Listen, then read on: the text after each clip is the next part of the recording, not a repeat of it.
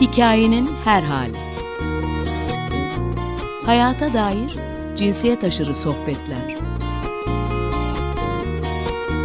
Hazırlayan ve sunanlar Ayşegül, Aslı, Aylin, Didem, Esin, Meral, Özlem.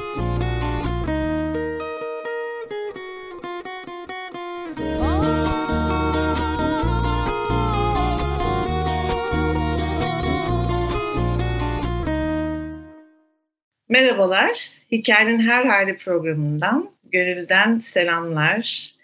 Ee, bugün çok sevgili dostum, yol arkadaşım, yol kelimesini özellikle kullanıyorum burada.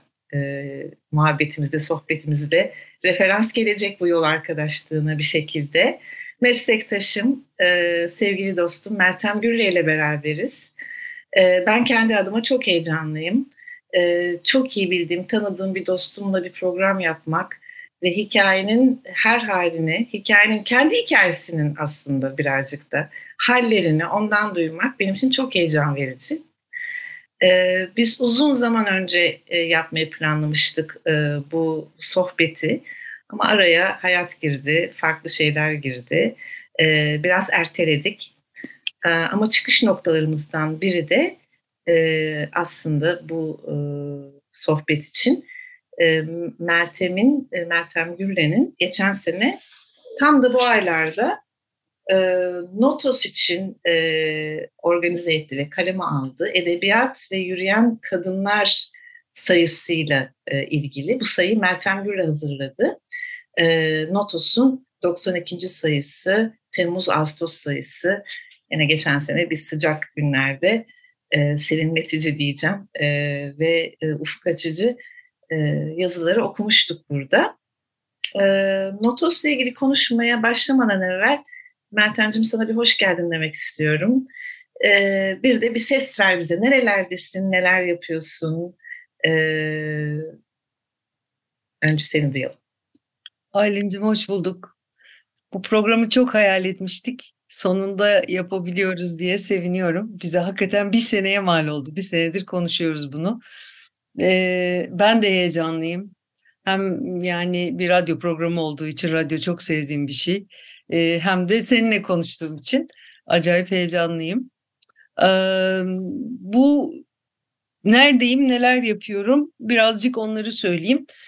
İstanbul'daki hayatımdan e, 6 senedir uzaktayım. Hatta 6'yı geçti birazcık. Almanya'da yaşıyorum şimdi. İstanbul'da yürürdüm. Almanya'da da yürümeye devam ediyorum. Bunları konuşacağız bugün birazcık. E, Notos sayısı da aslında bu sürekli yürümelerden çıktı. E, sayıdan biraz söz edelim mi? Yoksa e, yani ben ona ilham veren şeyleri mi anlatayım? Nasıl istersin? Nasıl yapalım?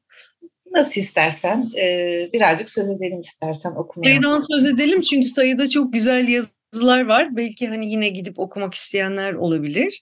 E, aslında yürümenin o ikili e, tarafından yola çıkarak e, ya yani toparlamıştık bu yazıları. Hem e, bir kaybolma riskini taşıyor içinde. Tehlikeli bir şey yani aslında.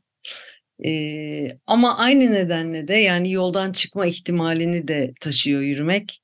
Ee, bizi daha önce görmediğimiz yerlere götürecek, hayatımızda yeni e, sayfalar açacak, bizi özgürleştirecek bir tarafı da var.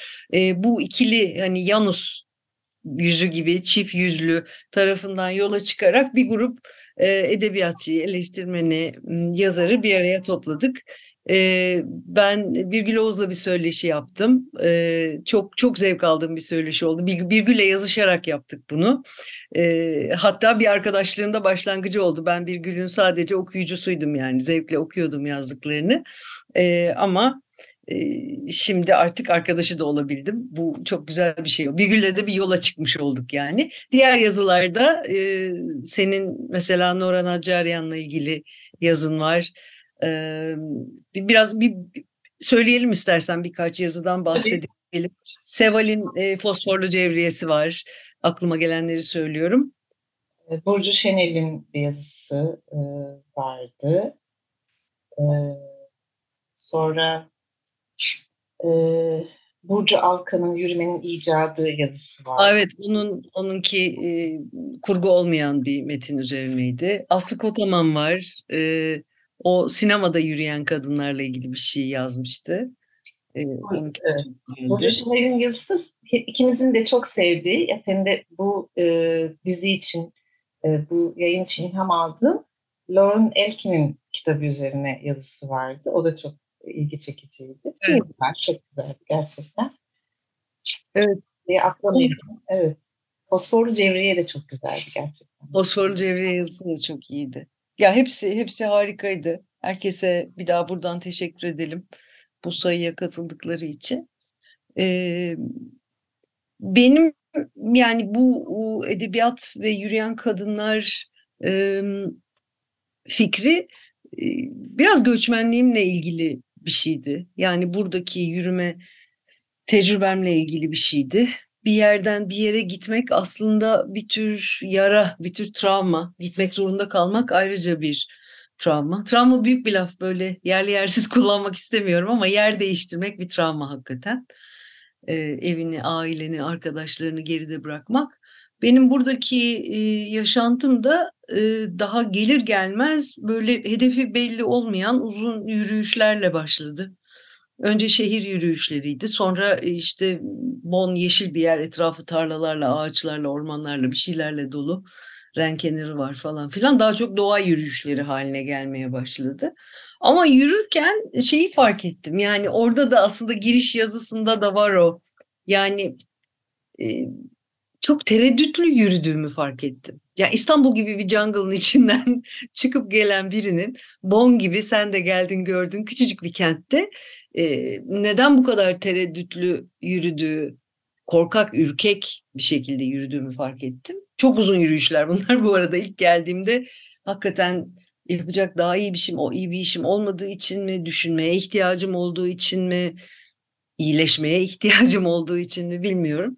Çok uzun yürüyüşler yapıyordum. Ee, sonra aslında bunların bir yabancının yürüyüşü olduğunu fark ettim. Yani asla buraya ait olamayacak, asla bu toplumun bir parçası olamayacak, hep kenarında kalacak birinin e, dairesel yürüyüşleri gibi fark ettim. Senelerce önce seninle beraber yaptığımız bir şey çalışması geldi aklıma. Ee, Buhar. İsmini Buhar. sen... Augusto Boal'in e, tiyatro Forum tiyatrosu çalışmasına katılmıştım. Forum tiyatrosu çalışması.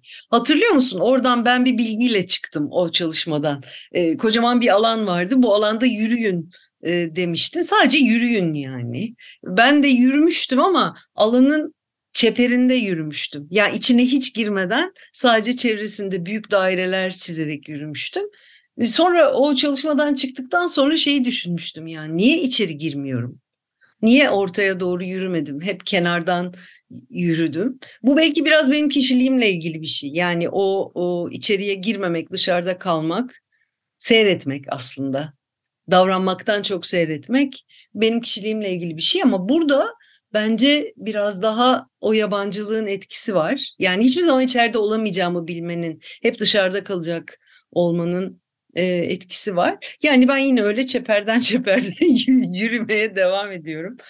Fakat tabii bunun içinde şeyi de hissediyorsun. Yürürken aslında başkalarının görmediği şeyleri görüyorsun. Biraz senin yazın mesela aklıma geldi o Nacaryan'la ilgili e, yazın.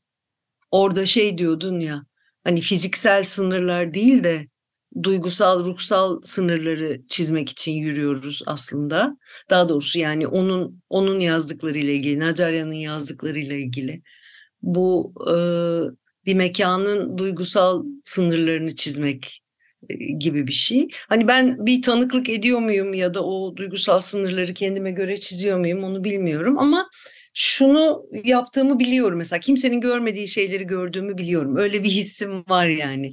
Buralıların yani içeride olanların, o çemberin içinde yaşayanların, buraya ait olanların görmedikleri şeyleri gördüğümü düşünüyorum. Bazen bazen yazıyorum ufak tefek notlar da alıyorum yürü, yürürken. Ama mesela hani neyi görüyorsun dersen e, burada insanlar güvercinleri görmüyor. Mesela güvercin şey bu kültüre içkin bir şey değil. E, o benim yanımda getirdiğim bir şey güvercinlerle olan ilişki bizim kültürümüze çok ait bir şey. Biz mutlaka görürüz, besleriz güvercinleri. Burada burada yasak çok büyük cezası var güvercin beslemenin. Hatta Hamburg'da bin euroymuş bunu duyduğumda böyle dudaklarım uçukladı yani ne oluyoruz diye. Güvercinler bir tür fareler gibi görüldüğü için burada işte beslenmiyor, görülmüyor. Dolayısıyla kendime böyle bir görev biçtim. Gö güvercinleri gö görme görevi bende. E, o iş bende diyeyim. Tam da görüyorsun herhalde. Evet evet yani gü güvercinlerle bir ilişki kurarak onları kaçak kaçak besleyerek falan. Sokak kedisi de yok tabii aynı sebeple. Yani güvercin görmenin hani bir tarafı bizim kültüre çok içkin bir şey olduğu için hani güvercin besleriz. Ne bileyim camilerin önünde yem satan insanlar vardır. Herkes yeni camide bir defa bir atmıştır İstanbul'da güvercinlere yem falan. Hani hem o var hem de sokak hayvanı eksikliği var. Yani yürürken İstanbul'da yürürken yapacağım şey benim bir banka oturmak ve o banka sıçrayan bir kediyi ya da yanaşan bir köpeği sevmek olur. Burada öyle bir şey olmadığı için hani İstanbul'u anıştıran tek şey güvercinler, martı da yok. Sadece güvercinler var. İşte onlar da görünmez. Görün, görünmez güvercinler. Tam da bu noktada şey geldi aklıma. E, bu açılış yazısında derginin Lauren Elkin'den bir alıntı yapmıştın. Florida hmm. Şehirde Yürüyen Kadınlar kitabından bir alıntıydı bu. E, şöyle demiş Elkin. Bizim için hazır edilmiş patikalardan başka bir yola ne zaman sapar kendi alanlarımıza doğru hızla ne zaman yol açmaya başlarsak, yol almaya başlarsak Külenöz'de o anda var olmaya başlar. Hmm. Şimdi tabii evet. anda e, sen kendi yollarını açmak durumundaydın. Senin için açılmış bir yol da yoktu. Bir e, göçmen e, statüsünde bir kadın olarak. E, flanoz oldun mu hakikaten ben tam oradayken? Flanoz oldum mu? Yani aslında hayır yani göçmen bir kadın olarak tabii benden önce açılmış yollar var burada. E, şüphesiz var. Yani e, işte geçenlerde 60. yılı kutlandı galiba. E, yanlış söylemiyorsam. Geçen sene miydi? Yani buraya gelen ilk e, göçmen işçilerin, Türkiye'li işçilerin e, seneyi devriyesiydi. E, var tabii kadın işçiler de geldi ve onlar kalifiye işçilerdi. Dolayısıyla bir hayatları vardı yani sosyal hayatları vardı, kentli hayatları vardı. Hatta işte e, grevlere katıldılar falan filan varlık varlık gösterdiler. Sadece erkekler değildi. Kaldı ki o erkeklerin aileleri geldi daha sonra falan filan. Ama tabii o başka bir tecrübe. Yani oraya bağlandığım yerler var. Ee, işte mesela şey resmi görünce çok bir şekilde etkileniyorum. İşte 1970'lerden 80'lerden kalma göçmen ailesi fotoğrafları var. Hep bavullar var dolapların üstünde. Bizde de öyle. Bavul orada duruyor yani. Her an çıkabilir. Hala açılmamış kutular var. İşte o kutuyu açmıyoruz çünkü hemen her an eve geri dönebiliriz. Böyle bir duygu var. Yani o yol var. O yolun bir kısmını beraber yürüyoruz ama bir farklı tecrübe de var. O da e, bu zamanda buraya gelmiş olmak, ben olarak buraya gelmiş olmak. Tabii yani her zaman e, bizden önce gelmiş göçmenlerle tecrübemiz birleşmiyor. Ama aynı yabancılık hissinde yer yer birleştiğimiz oluyor. Yoldan çıkmak meselesine gelince aslında bir metafor olarak da bu e, bir taraftan biraz önce dediğim gibi işte hem korkutucu hem de çok heyecan verici bir tarafı var. Yani Almanya'nın heyecan verici bir tarafı var demek istemiyorum yanlış anlaşılmasın. Ama yol değiştirmenin, makas değiştirmenin, senin için tayin edilen yoldan çıkmanın genel olarak hayatımızı düşünürsek aslında hiçbir zaman o yolu tümüyle tayin edemeyecek olmanın, öngöremeyecek olmanın hem ürkütücü yani aslında bir anlamda şey e, tekinsiz öyle diyelim. E, hem de çok heyecan aynı nedenle heyecan verici bir tarafı var. Hani tekinsizlik fikri de öyle e, muğlak bir şeydir ya. Yani hem evi içinde bar işte unheimlich aslında hani hem evi içinde barındırır ama e, eve benzeyen ama ev olmayan şeydir. Böyle bir ikinci yol, ikinci ev kurmakta hakikaten e, bir taraftan heyecan verici bir şey de var. e, yolu değiştirebilecek olmakta. Özgürlük hissiyle ilgili bir tarafı da var. Yani bir yerden ayrılıp başka bir yola doğru dalmakta. Ama e, göçmen bir kadın olarak yürümenin e, şeyine dair düşüneyim. E, olumlu taraflarına dair düşünmek istiyorum. İşte başkalarının gitmediği yerlere gidebiliyorum ben. Bu şehirde işte gidilmeyecek yerler de var. Buranın yaşayanları oralara girmezler ama benim bir sınırım yok. Burada bir sınırım yok. Ee, başka bazı açılardan daha evvel karşılaşmadığım şeylerle karşılaşma ihtimalim var. Ee, ama dediğim gibi yani İstanbul gibi sürekli yeni sürprizler sunan ve sürekli devinim içinde olan bir kentten gelen biri için burada e, işte herkesin e, doğduğu evde yaşadığı ve kendi mekanından çok uzaklaşmadığı bir ortama girmek e, şey bir tecrübe, şaşırtıcı bir tecrübe benim için yani. Şehir değişmiyor, dönüşmüyor. E, çok hızlı değişen, dönüşen bir şehirden geldiğim için onun yabaniliğini de taşıyorum ben aslında. E, bir de buradan geri dönüp İstanbul'da yürümek var. Onun bir kısmını sen biliyorsun. Unutmuşum mesela İstanbul'da nasıl yürünürdü. Onu unutmuşum. E, bir de öyle bir yabanilik hali var. Güzel. Ee, bunları anlatırken aklıma e, bir konuşmamızda e, yaz, yazı için ilham aldığın ortamları nasıl kaybettiğinden de bahsetmiştin bir göçmen hmm. olarak. Hem bir yandan yeni yollar açılıyor, kimsenin girmediği yollara giriyorsun, belki farklı hikayelere e, kulak veriyorsun. Fakat asıl malzemen buradaydı, otobüsteki bir yolculuğumdaydı veya yolda yürürken e, yanımdan geçen insanların söylediği sözlerdi gibi bir şeyler söylemiştin bana. Evet. E, ve Öyle. E, evet yoldan çıkarken bir göçmen olarak Almanya'da, Bonn'da özellikle bu senin yazın yani yazıya nasıl yansıyor, yazıya nasıl alan açıyor? Daha mı rahat yazabiliyor oldun yoksa daha mı e, duraksa, duraksadın ne oldu? E, yürüme ile yazı arasında nasıl bir ilişki kuruyorsun? Daha genel bir soru sorayım. Kendinle ilgili kısmını belki sonra zaten konuşacağız. Aslında yürümeyle yazı arasında bence çok doğrudan bir ilişki var. Yürümeyle düşünce arasında bir ilişki var. Yani aslında işte hani çok geriye gidersen işte o peripatetik okula falan gidersen yani aslında düşüncenin doğuşuyla felsefe yapmayla da bir alakası var. Çok yaratıcı bir tarafı var. Çünkü çok garip bir şekilde şey yapıyor yürümek. Aslında yüzmek de bana aynısını yapıyor ama yürümek daha çok yapıyor. Yürümek daha kolay çünkü. Yani her zaman her an çıkıp yapabildiğimiz bir şey. Ee, zamanı yavaşlatıyor. Yani böyle düşüncenin zamanını yavaşlatıyor. Bir takım statik sesleri e, yok ediyor daha sarih düşünebiliyorsun. Ki ben genellikle yalnız yürüyorum. Ee, yalnız yürüdüğün zaman o, o temponun içinde, o tekrar edilen hareketin içinde meditatif bir şey var. O meditatif şey de seni düş hele doğa yürüyüşlerinde bu bence daha çok oluyor. Ama şehirde de olabilir. Ben şehirde yürümeyi de çok seviyorum. O anlamda hani biraz önceki sorunu cevaplayayım. Benden çok sıkı bir flanöz olur. Seviyorum. İstanbul'da öyleydim aslında. Evet. Neden öyleydim? Çünkü flanöz hakikaten o biraz önce seninle beraber yaptığımız egzersizde keşfettiğim şey gibi ben dışarıda duran kişiyim. Yani dışarıda duran ve seyreden kişiyim. Flanöz öyle bir şey aslında. Yani bir kafede oturup da seyredebilir, yürüyerek de seyredebilir. Seyreden ve not alan aslında. İstanbul'da böyleydi. Hakikaten benim malzemem işte kırmızı kazakta o var. Kafeler, kafeler, kafeler. O kafelerde konuşan insanlar. Bir de utanmazca kulak vermişim onlara. Bir de not aldım. Yani oydu, duyuyor, insanları duyuyorsun. Neler konuştuklarını duyuyorsun. Ee, istemezsem de yani benim doğamın bir parçası o. Gözlüyorsun.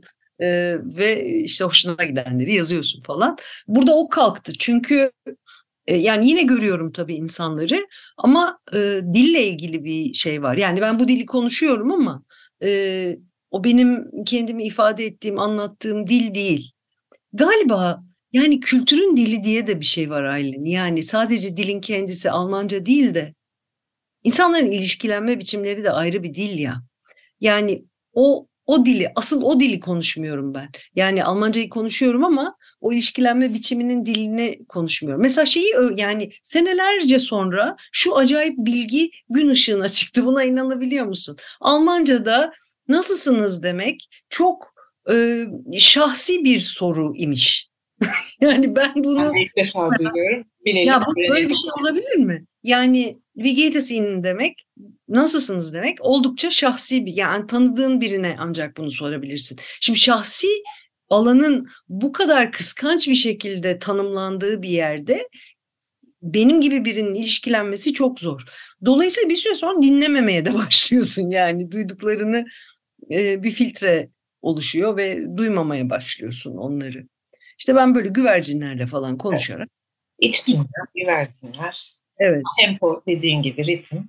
Tabii sinir... Ama bunu yazma yani yazmaya etkisini soruyorsan e, buradan beslendiğim için yani aslında İstanbul'dan İstanbul'daki e, insanlardan yolda yürüyenlerden, otobüse binenlerden, kafeye gidenlerden falan beslendiğim için, oradaki gündelik kentli hayattan beslendiğim için o kesilince o bağım da kesildi. Kolay yazamıyorum. Ama buradaki e, tecrübe de birikip bir şey olacaktır diye umuyorum Aylin. Hani bir yere gidecektir herhalde.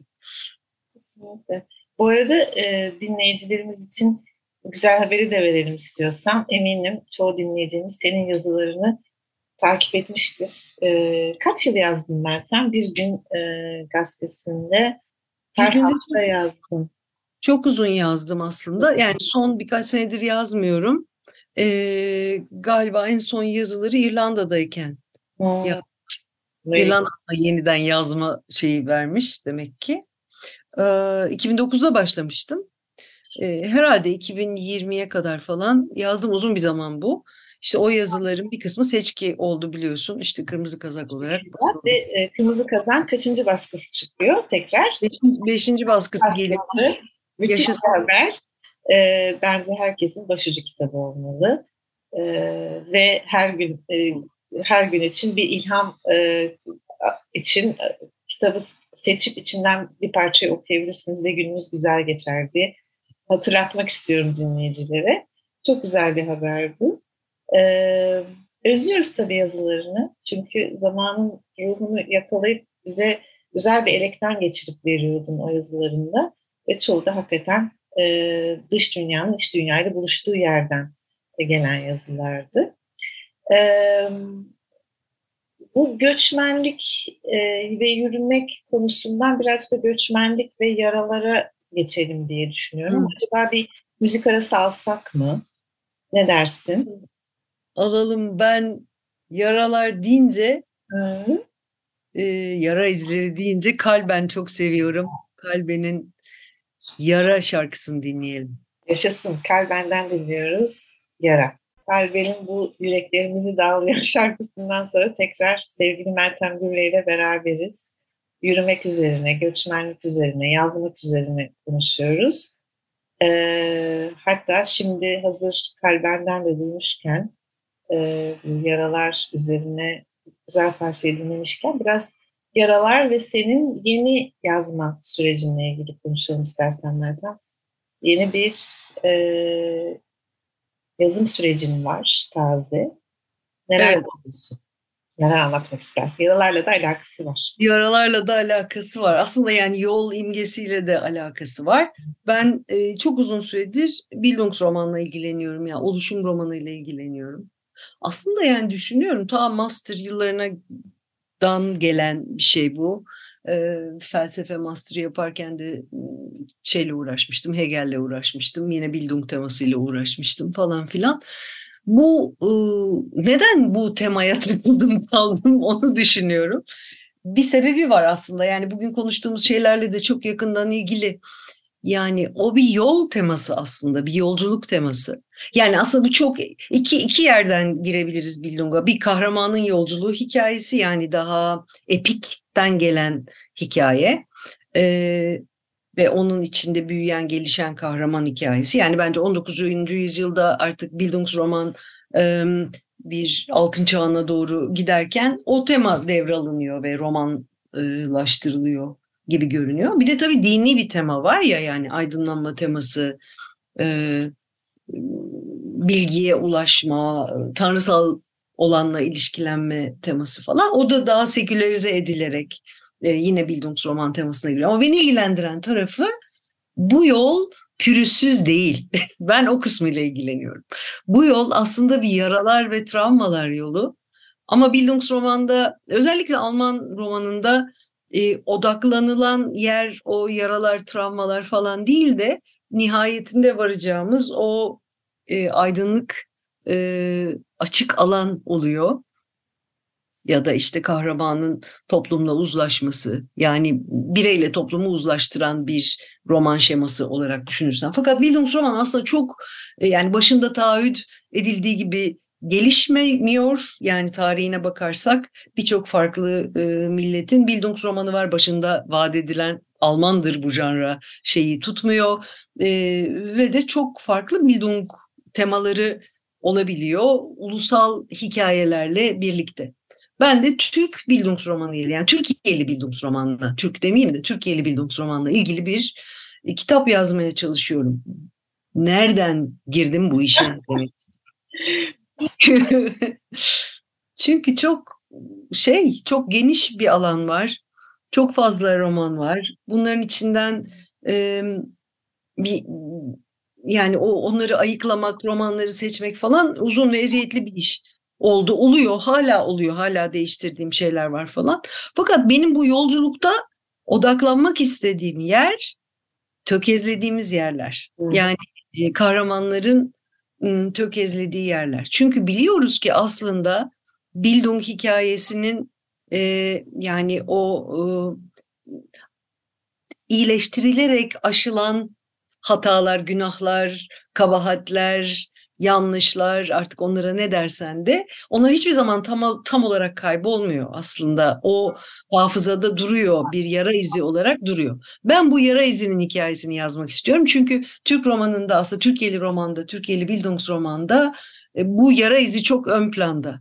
Yani modernlikle e, uzlaşamadığımız yerler, direndiğimiz yerler, romanda ön plana çıkan yerler hep e, bir yara iziyle ilgili ve bütün travmalarda olduğu gibi tür, burada da aslında Türkiye'li romanlarda da e, hem direnç var hem e, yoldan saptırma var hem de tekrarlar var. Yani kimi zaman girilen döngüler aşılamayan e, yerler var ya da aşılmakta zorlanılan yerler var. Yani aslında ben e, kahramanların yoldan çıktıkları hata yaptıkları, e, dönüp durdukları yerleri anlatmaya çalışıyorum. E, bu Cumhuriyet tarihinin başından başı gibi bir yerlerden, yani işte Sabahattin Ali'den başlayarak, e, Yusuf'un hikayesinden başlayarak, sonra işte günümüze kadar e, Kuyucaklı Yusuf'tan buraya kadar bir zamanı ele almaya çalışıyorum. Arada e, neler neler var. Bakalım bu proje sona erecek mi? Yani herhangi bir vaatte bulunmak istemiyorum ama e, bekliyoruz. Uzun süredir bununla ilgili e, çalışıyorum.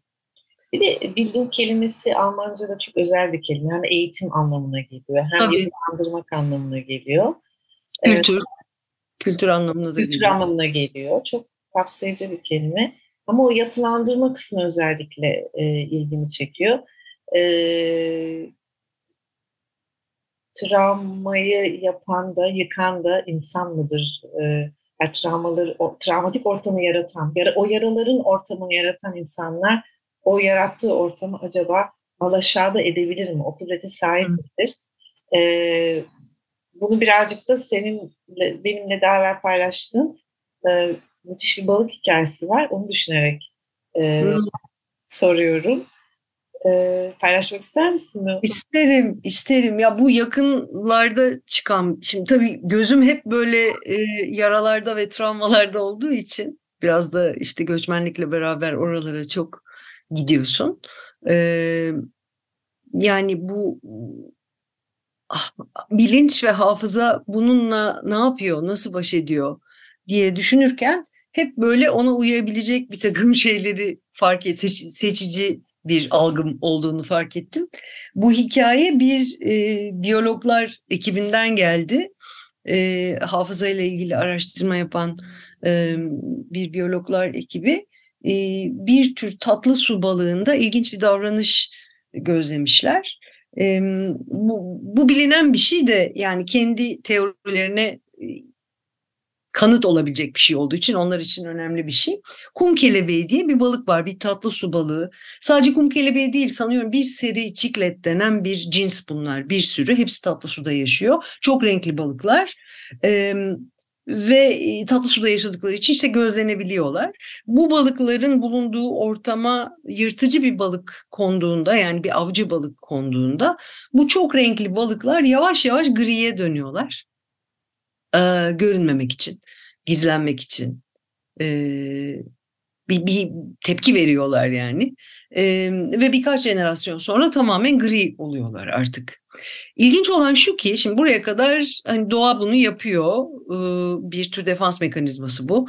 E, bu oluyor. Bu burası ilginç. Ama daha ilginç olan şu ki e, su içindeki yani bu yaşadıkları göldeki o tehdit balık her kimse o, o çıkarıldığında e, birkaç jenerasyon sonra eski güzel renklerini ne geri dönüyorlar. Yeniden rengarenk e, balıklar oluyorlar. E, bu bana çok enteresan geldi. Yani bir şekilde e, o yaranın izi bir yerde var muhakkak. Mesela acaba şöyle araştırmalar var mı merak ediyorum. Biyolog olmadığım için ve buna çok zamanım olmadığı için bunu araştırmadım ama bir daha bir tehdit geldiğinde daha mı hızlı dönüyorlar mesela? O anıyı tutuyorlar mı? O yaranın anısını tutuyorlar mı? Aslında e, hiçbir şey eski haline mükemmel bir şekilde geri dönmüyor. Yani bir şeyin, bir travmanın, bir yaranın anısını taşıyoruz, izini taşıyoruz. E, ve bizi bilgiye götüren de o. Sanıyorum bu Bildungsroman temasını benim bu kadar etkilemesinin sebebi o. Yani e, hayat gerçekten geriye dönemeyeceğimiz anlardan ibaret bir şey. Bunu daha önce de bir yerde söylemiştim. Böyle hissediyorum ve bunu çok yakıcı bir şekilde hep hissediyorum yani. E, ama o geçmişteki anların anısında taşıyoruz. Bir şey yanlış yaptıysak, kötü yaptıysak, hata yaptıysak, yoldan e, çıkmanın kötü taraflarıyla karşılaştıysak onu yeniden nasıl iyi yapacağız ya da onu neye dönüştüreceğiz bu beni ilgilendiriyor. Onun için travma çalışmaları da beni ilgilendiriyor ve e, Bildung temasının çok önemli bir parçası olduğunu yani aslında göz ardı edilen bir parçası olduğunu düşünüyorum o olumsuzluğun.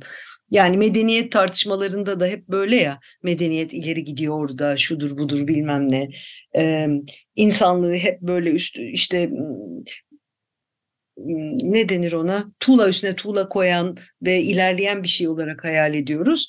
Hayır arada boşluklar var yani arada yıkılmış kirişler var hatta tamamen yıkılmış yanmış odalar var. Ee, o zaman hani onunla ne yapacağımız beni ilgilendiriyor. E, dolayısıyla böyle bir e, Bildungsroman analizine girdim Türk romanı ile ilgili. Harikasın. Ben Bildungsroman deyince aklıma üniversite e, çağlarım geliyor. E, Alman Edebiyatı okudum. hmm. Öyle bir garip bir iş yaptım hayatımda.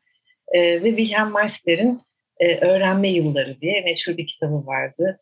Kaç sayfa, 9 sayfa mı, 9 sayfa mı bilmiyorum. Onu okuyup analiz etmiştik. Ettik, Hı. ettik analizleri. Sonunda kitap bitiyor ve diyor ki e, Göte, sevgili Göte, kahraman lazımdan hiçbir şey boşuna değildir. Evet. Hiçbir şey boşuna Bu muydu dedirten. Bu muydu yani şimdi? Bu muydu dedirten. Hiçbir şey boşuna değildir. Bütün dinlerken bunu hatırladım birden. Hiçbir şey boşuna değildir. Yani tabii ki bu dünyaya e, püripak e, bir, bir e, kapıdan girip diğer kapıdan püripak çıkmak için gelmiyoruz. Hı hı. E, yaraları nasıl taşıdığımızda galiba değerli. Tabii Bildungsroman da deyince aklıma şu da geliyor. Türkiye'de de öyle galiba. Doğru mu? Sen beni düzelt. Kadın Bildungsroman yazan ne kadar az kişi var? Ya da var mı? Var. Aslında yani kadın Bildungsromanı var. Ee, ta şeyden işte çalı kuşundan başlayabilirsin. Ee, ne bileyim yani Adalet Ağoğlu'nunkini de Bildungsroman olarak okuyabilirsin. Ölmeye yatmayı. Hmm. Şey öyle olabilir. Yani garip offbeat böyle tıkırtılı Bildungsromanlar bunlar ama mesela işte Lale Leyla Erbil'in e, tuhaf bir kadını da bir Bildungsroman olarak okunabilir. Ama işte gıcırtılı yani o, o gıcırtı da beni ilgilendiriyor. Yani bir textbook Bildungsroman değiller bunu. Hani böyle olmasıyla. Bir Wilhelm Meister değiller yani. İyi ki değiller. o, iyi ki değiller. Wilhelm Meister de işte iyi ki söyledin yani. O hani böyle bir başlangıç Bildungsromanı ya sinir oluyorsun yani. Gidiyor sonunda işte kule topluluğuna katılıyor falan. Her şey pürüpak çok güzel. E, işte e, oyuncu olma arzusu da tiyatroda bitti gitti. Kalbini kırdığı kadınlar da gitti. E, zavallı minyon yolda öldü, o da gitti falan. Hepsi gitti ama Wilhelm topluma entegre oldu. Amanın ne kadar güzel. yani bu, bu e, çok idealize edilmiş. Yani Goethe'yi küçümsemek için söylemiyorum. Bence çok müthiş bir roman her şeye rağmen ama. Yani bizi rahatsız eden bir şey var. Ee, Cırtı aslında şey geldi aklıma. Birgül Oz'la yaptığınız röportajda da beni çok gireyen bir kısım vardı. Hatta şimdi önüme de açtım onu okuyayım istersen. Kısmını. Birgül Oğuz'la konuşurken e, kadınlarla ilgili e, bir kısımda şunu demiş bir Birgül Oğuz. İşin aslı erkeklere sorgusuz sualsiz atfettiğimiz hatta yapıştırdığımız bu özgürlüğü ve korkusuzluğu bir kadında gördüğümüzde iyi ama nasıl yapabilmiş diye sormak gelmiyor içimden. Çünkü nasıl yapmaz? Nasıl yapmaz? Nasıl evet. Yapmaz? Onu çok güzel söyledi. Çok güzel söyledi. Neden yapmasın ki yani? Neden yapmasın ki? Neden yapmasın ki? Ee, bu gıcırtıyı bunun üzerinden konuşabilir miyiz acaba? Evet. Bence konuşmalıyız da. Yani Türk Edebiyatı'nın çok kuvvetli kadın yazarları var ve onlar bu gıcırtının sesi olmuşlar aslında. Yani o e, ögeyi oraya sokarak, itirazı oraya sokarak, özellikle bu bahsettiğim isimler yani işte e, 70'ler, bu kitapların hepsi 70'lerde basılıyor. E, Leyla Erbil, e, Tezer Özlü, Sevgi Kutsal, Adalet Ağoğlu, en başta Adalet Ağoğlu, Leyla Erbil kızardı duysaydı ama ikisi ikisi beraber, el ele. Um, ya onlar çok önemli kitaplar ve o gıcırtının sesini bize duyuran e, kitaplar. Mesela Leyla Erbil'in e, romanı böyle çok e, farklı seslere de yer vererek e, yazılmış. Çok çok erken dönem ilginç bir roman. Hani daha sonra yazdıkları belki e, daha kolay ya evet bu tarihlerde bunlar yapılabilirdi diyebileceğimiz romanlar ama tuhaf bir kadın gerçekten tuhaf bir roman yani. E, Haklısın. Birgül çok güzel söyledi. Çünkü ben ona şeyi sormuştum. orada bir anne kız ilişkisi var ve yoldan çıkan bir anne var. Annelik e, insanı çok e, sistemin içine sokan, hareketsizleştiren, bütün annelerden özür dileyerek söylüyorum bunu ama hakikaten elini kolunu bağlayan bir şey ya. Çünkü ona atfedilen böyle kutsal bir anlam var falan. Oradaki kadın hem sıra dışı bir kadın hem de kendi sorunlarıyla da boğuşan bir kadın. Kitabı da çok fazla açık etmeyeyim. Çok ilginç bir kitap. İstasyondan bahsediyoruz. Ve kızını göz ardı etme pahasına yoldan çıkıyor. E, ben onu sormuştum. Yanlış hatırlamıyorsam. Şimdi evet. önümde o kısmı atlayarak okudum tabii. Böyle parçasını aldım. Yani buna nasıl cesaret ediyor diye sormuştum. Ee, o da çok güzel bir cevap verdi. Tam olarak böyle. Erkeklere e, sormadığımız soruları neden kadınlara soruyoruz dedi. Yani doğal bir şey olarak gördüğümüz şey. Ama tabii ilk sorunda haklısın Aylin. Oraya kısacık geri döneyim. Yani 19. yüzyılda yazılan romanların e, ezici çoğunluğu hı hı kahramanların erkek olduğu romanlar. Yani Bildungsheld, Bildungsroman kahramanı bir erkek aslında. Ee, çok uzun bir süre. Ama daha sonra e, kadınların da temsil edildiği romanlarla karşılaşıyoruz. Yani 19. yüzyılda hiç yok değil, var ama daha çok 20. yüzyılda e, kadınların ön planda olduğu e, oluşum romanlarıyla karşılaşıyoruz. Doğru bu yani. Peki nasıl iyileşeceğiz Meltemciğim? Neler neler çıkıyor senin için? Bu yaralara e, bakmak e, bir yandan da e, aslında yaraların içindeki kaynakları da görmek anlamına geliyor. Çünkü sadece yaralardan oluşmuyoruz. Psikemiz çok güçlü aslında. E, yaralar var, travmalar var. Evet, travmayı da konuştuk. Çok e, içi boşaltılan bir kelime de olmaya başlıyor. Korkarak kullanıyorum ben de. Bir yandan da bizi güçlü kılan sağlıklı taraflarımız var.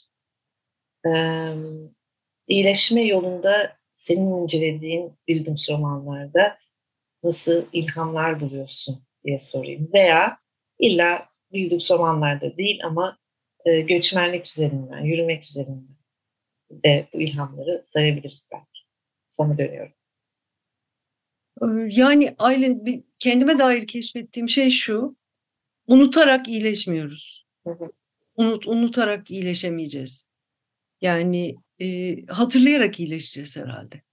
Hatırlayarak, geri dönerek ve farklı bir şekilde yeniden kurarak. Yani şöyle demek istiyorum. Böyle çok soyut oldu ama yani e, geçmişi bulunduğu yerden alıp bugüne getirip farklı bir şekilde yazarak e, iyileşeceğiz gibi geliyor bana. Yani onunla ilişkilenerek, onunla bir bağ kurarak ama e, bir adım öteye gitmeye çalışarak. Çünkü yoksa eğer bir adım öteye gitmezsen aynı döngünün içinde işte daireler çiziyorsun o zaman. E, yoldan çıkarak yani. Yoldan çıkarak. Tamam. Yoldan çıkarak yani o, o, o dairenin dışına çıkarak e, ve onunla başka şekilde ilişkilenerek, o yarayla başka şekilde ilişkilenerek, onu bir şeye dönüştürerek yani ben seninle geçmişte de konuştuk bunu. Ben buna inanıyorum. Yani o onunla bir şey yap ya unut unutmaya inanmıyorum ben. Unutmak diye bir şey yok zaten. Unutmak diye bir şey ancak o hastalığın başka şekilde bir devamı olabilir. O yaranın başka bir şekilde devamı olabilir. Yara olmaktan çıkması için yara izi haline gelmesi gerekiyor. E, o izi sevmek, onunla bir şekilde ilişkilenmek gerekiyor. Yürümek de işte bir şekilde e, o yoldan çıkma ihtimalini taşıdığı için yola devam etme e, hissini verdiği için iyileştirici bir eylem aslında. Bazen de yoldan çıkmak için aynı yolu uzun süre yürümüş, yürümüş olmak gerekiyor. Veya evet. döngünün aynı spiralin içinde biraz e, kalmak da gerekiyor. Doğru. E, senin de söylediğin gibi yaralara bakmadan nasıl e, ya da hatırlamadan, hani hatırlamayı bir tür yaralara bakma cesaretini göstermek olarak da okuyabiliriz sanırım değil mi senin anlattığın şekilde? Evet tabii tabii tabii. Tabii oraya bakma cesareti, orayla ilişkilenme arzusu, üstünü örtmemek aslında yani galiba üstünü örtmemek. Üstünü örtmek de yani. Bir, bir çaba ve hakikaten akıntıya karşı kürek çekme çabası gibi bir çaba. E, o da farklı bir şekilde yoruyor. Unutmaya çalışmak, üstünü örtmekte. Evet çok yani şey faydasız bir çaba aslında. Çaba. Yani bu Bildungsroman'daki travmalara bakarken Türkiye'li romanlardaki travmalara bakarken ben e, direniş biçimlerinin e, aslında yani o, o yaraya da direniş biçimlerinin e, çok dinamik şeyler olabileceklerini de fark ettim. Statik değil de e, çok dinamik ve dönüştürücü olabileceklerini de fark ettim. E, onun için e, şey diye düşünüyorum yani bir şekilde ilişkilenmeye başlayana kadar belki de o bütün senin dediğin gibi bütün aşamalardan geçmek gerekiyor yani. Kimi zaman dairesel yürümek işte onun için tekrarlardan bahsettim. Kimi zaman geri çekilmek, bazen de geri çekilmek gerekiyor. Ama e, unutmak değil yani bunun şeyi unutmak değil. Öğrenebilmek için yani zaten Bildung temasının da bir parçası o. Öğrenebilmek için hatırlaman gerekiyor. Kesinlikle. Unutmuşsan öğrenemiyorsun yani. İleriye doğru gidemiyorsun. Bir ara cesaret kelimesi kullandığını da duydum. Hep şey geliyor aklıma. Cesaret kelimesi ne zaman duysam. Rollo May'ın e, Yaratmanın Cesareti kitabını hmm. hatırlattı. e, Fransızca kuraş kelimesini kullanıyor. Karın, cesaret. Onun da kalple ilgisi olduğunu hatırlatıyor bize. Hı hı. E, cesaret ve kalp çok yakın. Yani e, cesaret nereden geliyor? Yazma cesareti de birazcık, yani yaratmanın cesaretine istinaden yazmanın da e, yaralarını yazmak da büyük cesaret. Evet. E, dolayısıyla belki e, yazmanın iyileştirici tarafı, o cesareti bulan yazarlar e, nasıl yazıyor sence? O, o bir gıcırtıyı biraz başladık konuşmaya. O gıcırtı ve yazma nasıl etkiliyor? Hem yazanı hem de okuyanı. Belki o konuda bir şey çıkıyor. Yani için. Ya, yazmanın çok şey bir tarafı var. Ee, yani cesaret deyince böyle çok abartılmış gibi gelecek kulağa ama hem kendinle yüzleşme riskini göze alıyorsun hem de kendine dair belki de hep saklamak istediğin, örtmek, unutmak istediğin şeyleri paylaşma cesaretini alıyorsun. Ben senelerce yazıp yazıp çekmecelere koydum. Üstünü bir de kitledim. Kimse görmesin diye. Yani çok geç yazmaya başladım ben Aylin sen hatırlarsın yani. Çünkü o e, bir saklan yani benim kişiliğime sahip birinin aslında saklanma arzusuydu. E, ve şimdi de mesela kırmızı kazakla ilgili e, bir şeyler yazanlar arada böyle mailler falan alıyorum. O da çok güzel bir şey yani hakikaten böyle en umutsuz zamanlarda işte kitabın içinden bir, bir şeyden ilham almış birisi bir iki satır bir şey yazıyor. Hep şeyi söylüyorlar. Kendinize dair kendinizi saklamadığınız için teşekkür ederiz diyorlar. Aslında yani öyle bir şey. Yani bunu paylaştığınız için. Bunun çok iyileştirici bir tarafı var. Saklanmamanın, paylaşmanın. Ve tabii cesurca bir tarafı da var. Yani ben cesur biriyim diye söylemiyorum. Benim yazdıklarım ne ki? Ee, ama yani bütün bu şeyi düşünürsen, edebiyat tarihini düşünürsen, özellikle de e, madem konumuz o, ondan bahsediyoruz. Hem cinslerimizin cesaretini, yani 70'lerde o kitapları yazan e, Türkiye'li kadın yazarların cesaretlerini düşünürsen, önünde saygıyla eğilmek gerekiyor yani o hepsinin ayrı ayrı. Çünkü hem e, sosyal varlıklarından bahsetme cesaretini buluyorlar birer kadın olarak. Hem Cumhuriyet Projesi altında yaşadıkları sıkıntıları anlatma cesaretini buluyorlar. Bu çok önemli bir şey. Oldukça erken bir zaman diyebiliriz yani. Hem cinselliklerinden bahsetme cesaretlerini buluyorlar. Ben şimdi Ölmeye Yatmayı yeniden okuyorum mesela. İnanamıyorum Adalet Ağoğlu'nun şeffaflığına yani kendi cinselliğiyle ilgili, cinsel kimliğiyle ve cinselliğiyle ilgili şeffaflığına bunların hepsi cesaret isteyen şeyler. Özellikle kadınlar için iki misli cesaret isteyen şeyler. Onun için evet kalpten geliyor. Hangi? Yürüyüş kalbe çok faydalı biliyorsun Ayşe. faydalı yürüyüş hakikaten öyle. Kalbe çok faydalı. Kan dolaşımını hızlandırıyor. Kesinlikle ve e, tabii ki e, birazcık da küçük bir masaj da yapıyor aslında. Hiç dokunmuyorum. Evet. Zavallı kalbimle. Tatlı bir masaj da yapıyor. Bu ara ben de Annie Ernaux çok okuyorum. Herkes Hı. galiba e, Nobel ödülünü aldıktan sonra Türkçe kitapları daha bir basılmaya başladı. Beni de şey, şey çok çarptı. Ta 1963 yılında yaşadığı bir kürtaj deneyimini 2008 yılında um, çekmecesinden çıkarıyor. Ancak anlatabiliyor, evet. Yabilme cesaretini bulmuş. Ee, kolay süreçler değil. Belki bizim e, kuşak birazcık daha şanslıdır bu konuda e, ya da bizden sonraki kuşaklar daha şanslıdır bu konuda. Çünkü şahane platformlar da var. Sadece kitap değil, e, online platformlar da var. Türkiye'de beş harfliler var, çatlak zemin var. Hikayenin her hali var. Var. E, e, güzel. Anlatabilecekleri yerler var evet. Alanları da var tabii ki. Yeter ki yoldan çıkmaya cesaret etsinler. Yoldan. yoldan çıkmanın bir tarafı da şey, e, sevdiklerini geride bırakmayı göze almak. Benim için en zor tarafı oydu. Göçmenlik tecrübesinin en zor tarafı o. Ama e, yazmak da böyle ya.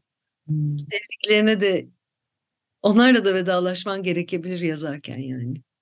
E, onun için o Tom Waits şarkısını çok seviyorum. Onu çalacak mıyız? Çalacağız şimdi. Dinledim onu. Harika. Şey diye başlıyor. Ailemi geride bıraktım, evimi geride bıraktım diye başlıyor. Ee, evet. Ben bunu hep hatırlıyorum değil mi? İlk gittiğin zamanlardan beri.